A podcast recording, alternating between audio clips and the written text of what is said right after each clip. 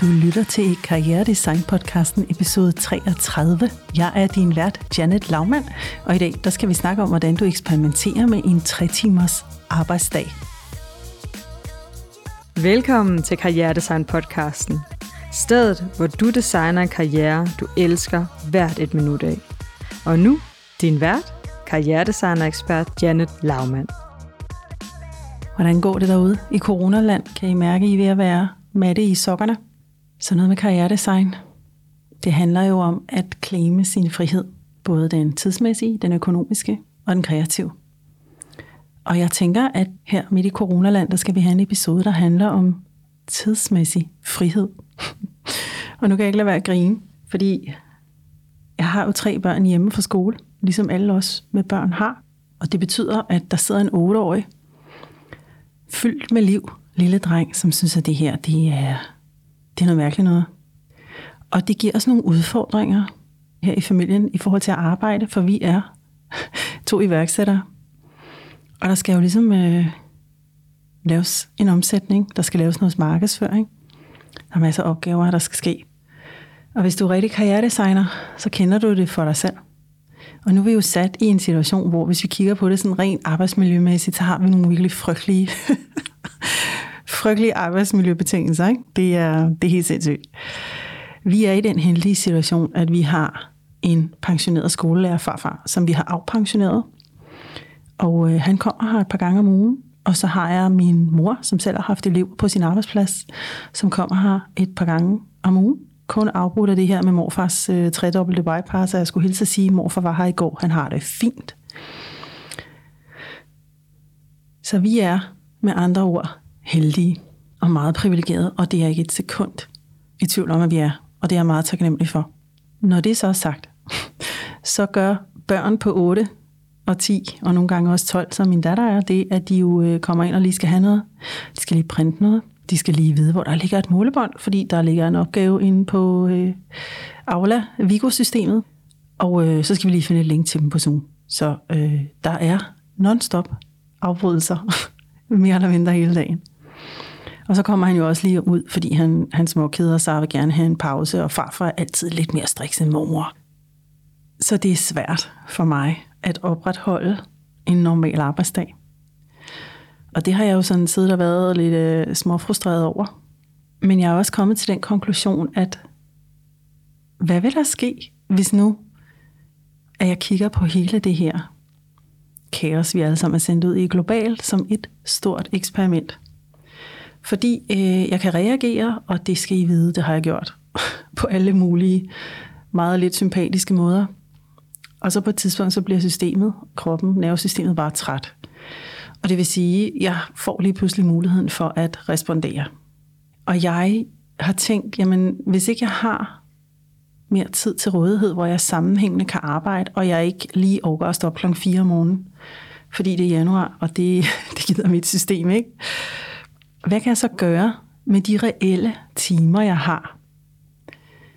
Og jeg sidder jo ligesom øh, sikkert dig, der lytter med, og er et produkt af det samfund, jeg er vokset op i, nemlig at man skal arbejde 25, 30, 37 timer om ugen, og når man iværksætter, så er vi helt op omkring 50-80, for ellers er det overhovedet ikke realistisk.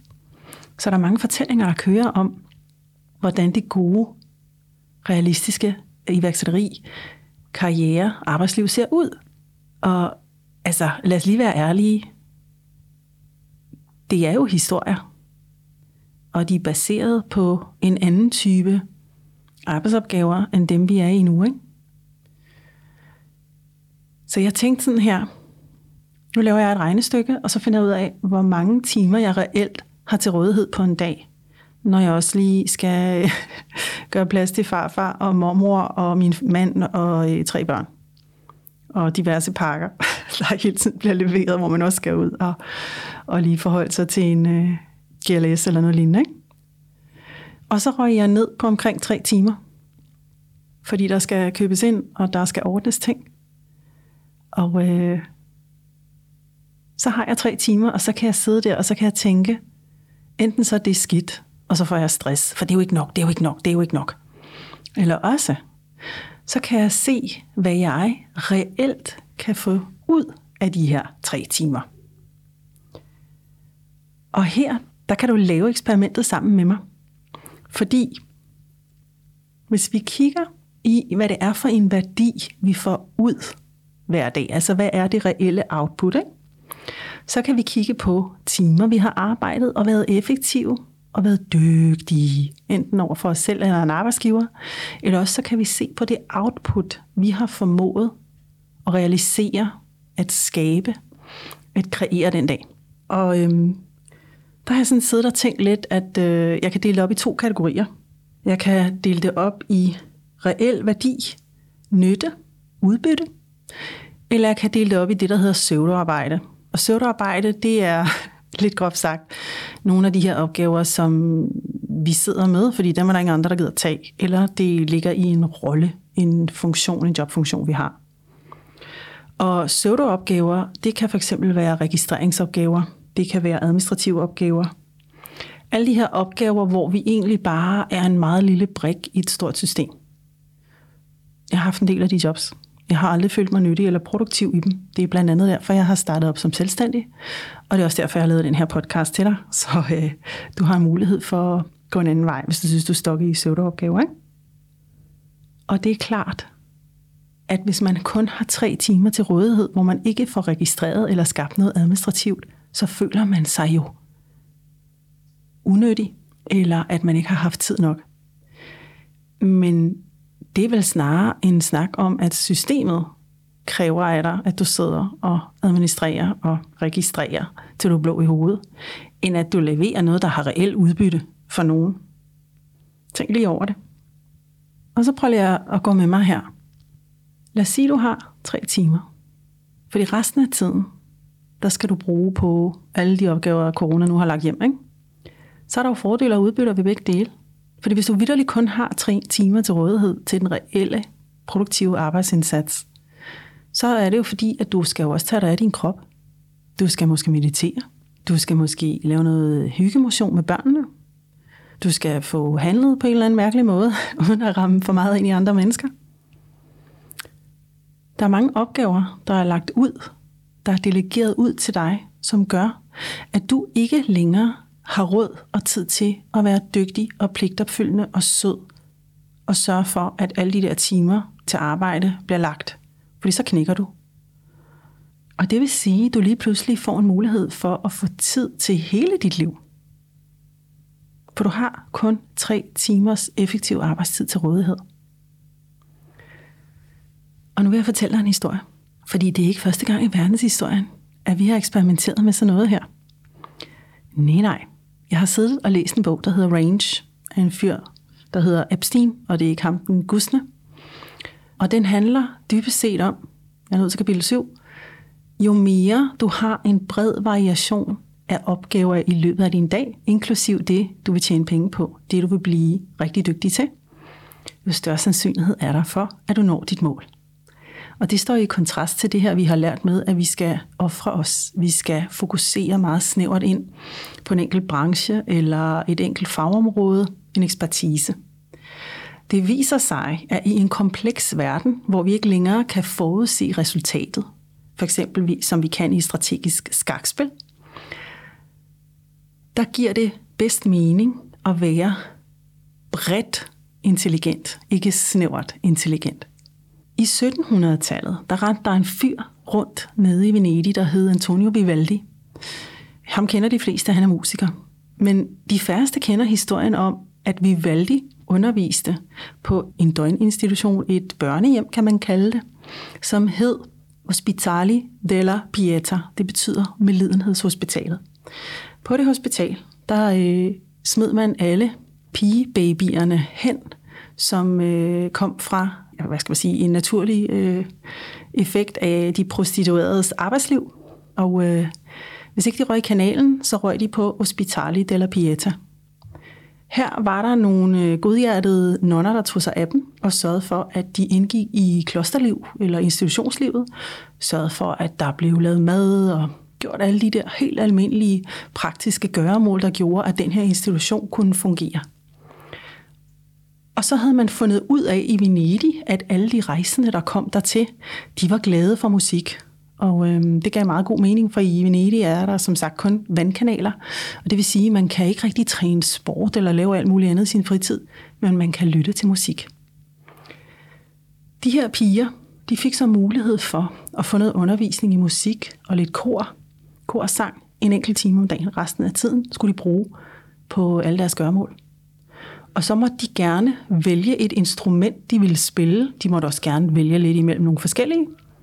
Og så kom vi valgte ellers og øh, øvede lidt af sin musik på dem. Der var ikke nogen forventninger til dem. De havde ikke noget familie. Mange af dem var vandsirede og deforme og havde medfødte defekter, fordi de her prostituerede fik syfilis, og det er som sagt en alvorlig sygdom i 1700-tallet, der vandsiger folk. Så de var heller ikke særlig atroværdige som potentielle giftemål for nogen. Så de her piger fik lov at leve i fred. Så øvede de sig hver søndag i kirken. Men de var så grimme, at de måtte sidde bag et hegn for ikke at forstyrre dem, der sad og skulle lytte til den her musik. Også fordi, at øh, i 1700-tallet, der var der ikke nogen øh, kvinder, der sådan skulle sidde med en cello mellem benene. Det var simpelthen for pigerne. Men historien bliver vildere endnu, fordi de her piger, som ikke havde noget pres om at blive vinerfilharmonika i et eller andet elitært system, de spillede vidunderligt. De spillede guddommeligt. De spillede på, jeg ved ikke hvor mange instrumenter, og det var kendt, at når der var koncerter i kirken, så var alle pladser altid fyldt, og alle, der var udenfor, de stoppede deres gøremål for at lytte, når denne her Coro de Filia, pigekoret, holdt deres berømte koncerter. Og det man kunne se, det var, at under selve koncerterne, så sad de ikke kun og spillede på et instrument, de skiftede instrumenter løbende. De var, med andre ord, mine damer og herrer, multitalentfulde musikere, som både beherskede mange instrumenter og sang i kor. Det, der sker, det er, at Vivaldi får testet sin musik af på det her kor, og bliver en af verdenshistoriens allermest berømte komponister.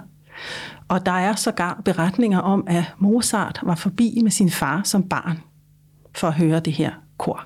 Koret er blevet til startstedet for alle større orkestre i Europa.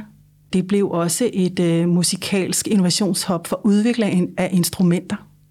Øh, Stradivarius, denne her øh, ekstremt procedure øh, violin, kom jo også ned fra Venedig. Så Venedig var et hop.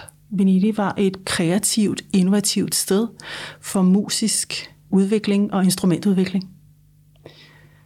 Og det vi kan konstatere er, at de her tøser, de kunne få alt det her til at ske på blot en time om dagen. En time om dagen, mine damer her. Og de måtte gerne gøre det også lørdag og søndag, hvis de havde lyst, men der var ikke noget tvang. Hvis du så sætter din reelle arbejdstid til tre timer, så har du allerede overgået Corto de Filia med flere længder. Så tag det til dig som et sted i dit hjerte, hvor at når du tænker, jeg når ikke det, jeg har sat mig for. Jeg når ikke mine mål. Jeg fejler. Jeg er ikke dygtig nok. Jeg er ikke god nok. Så tænk på, at det er bare en historie, du fortæller dig selv. Fordi du har glemt, at der findes mange og utrolig brede måder, du kan designe en karriere på.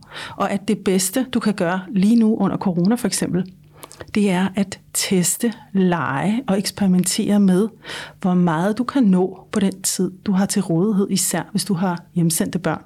Jeg føler meget mere. Og så vil jeg gerne have dig til at lege med denne her invitation.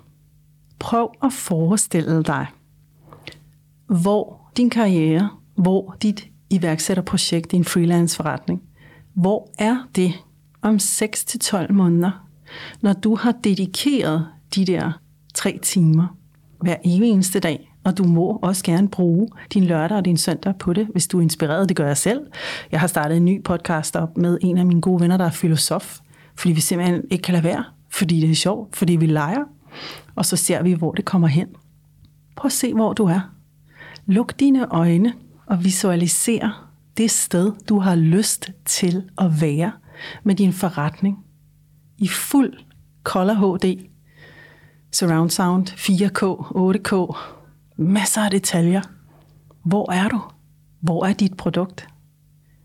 Hvad bruger du al den lækre tid til, hvor du sørger for at vedligeholde resten af dit liv, så hele dit liv hele din karriere hænger sammen i fin balance, hvor du ikke går hen og bliver stresset.